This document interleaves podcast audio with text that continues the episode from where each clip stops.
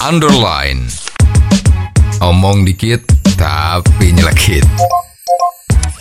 Bersama Om Bob. Temukan di channel YouTube Om Bob Indonesia.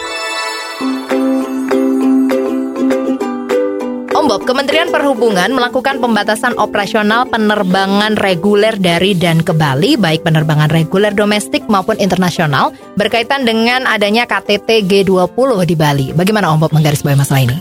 Ya ini sistem pengamanan untuk G20 itu memang luar biasa loh ya. Betul. Presiden Jokowi ini memang hebat. Bukan kampanye nih. Ya memang. ya. Bayangin G20 ini negara-negara besar di seluruh dunia itu datang secara pribadi ya. Amerika, Joe Biden datang. Tiongkok, Xi Jinping datang. Ya. Perancis, presiden kita yang ganteng muda itu ya datang. Ya. Kanada datang. Ya. Inggris yang ada turunan dari India ya, itu datang. Luar biasa ini. Tidak ada satu negara pun yang pernah mengadakan menjadi tuan rumah presidensial G20 ini yang sehebat Jokowi. Hmm. Oleh sebab itu memang pemerintah Indonesia mati-matian harus menjaga keamanannya kan. Betul. Luar biasa deh. Kita lihat kemarin ada presentasi dari Menteri Pertahanan kita juga luar biasa ya. Panglima TNI itu memberikan satu presentasi bagaimana sistemnya yang diciptakan untuk pengamanan ini luar biasa sekali. Ya. Termasuk di dalamnya ini yang ya maaf ini ada yang keluh kesah kan.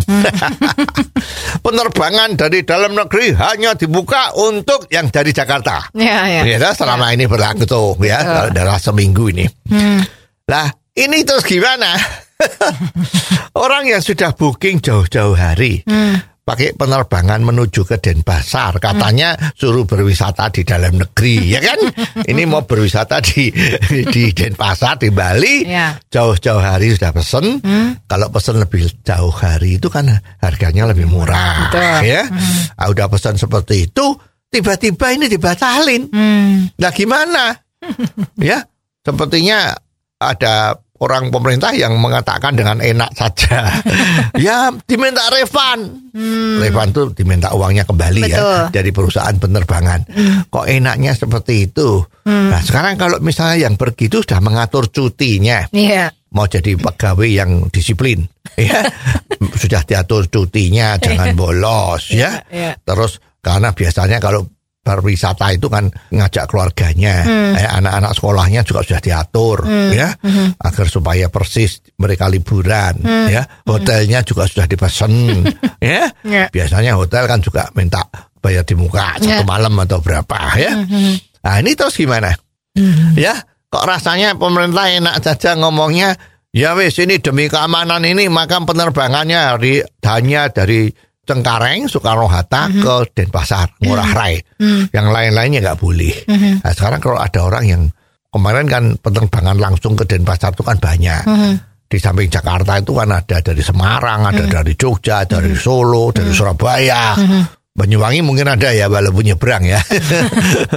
ya yang ada juga yang dari Batam mungkin ya. Ya. Itu gimana? Ya. Lah mestinya yang pemerintah ya istilah bahasa Jawanya itu ngono ya aja ngono. ya. Jadi mestinya oke karena ini peraturan yang dikeluarkan adalah sangat mendadak Ya. dan ini tentu akan merugikan masyarakat yang sudah merencanakan jauh-jauh hari, maka semua kerugian atau bila perlu semua yang terkena imbasnya dengan peraturan yang mendadak ini diberi ganti untung. Ya, jangan ganti rugi, ganti untung.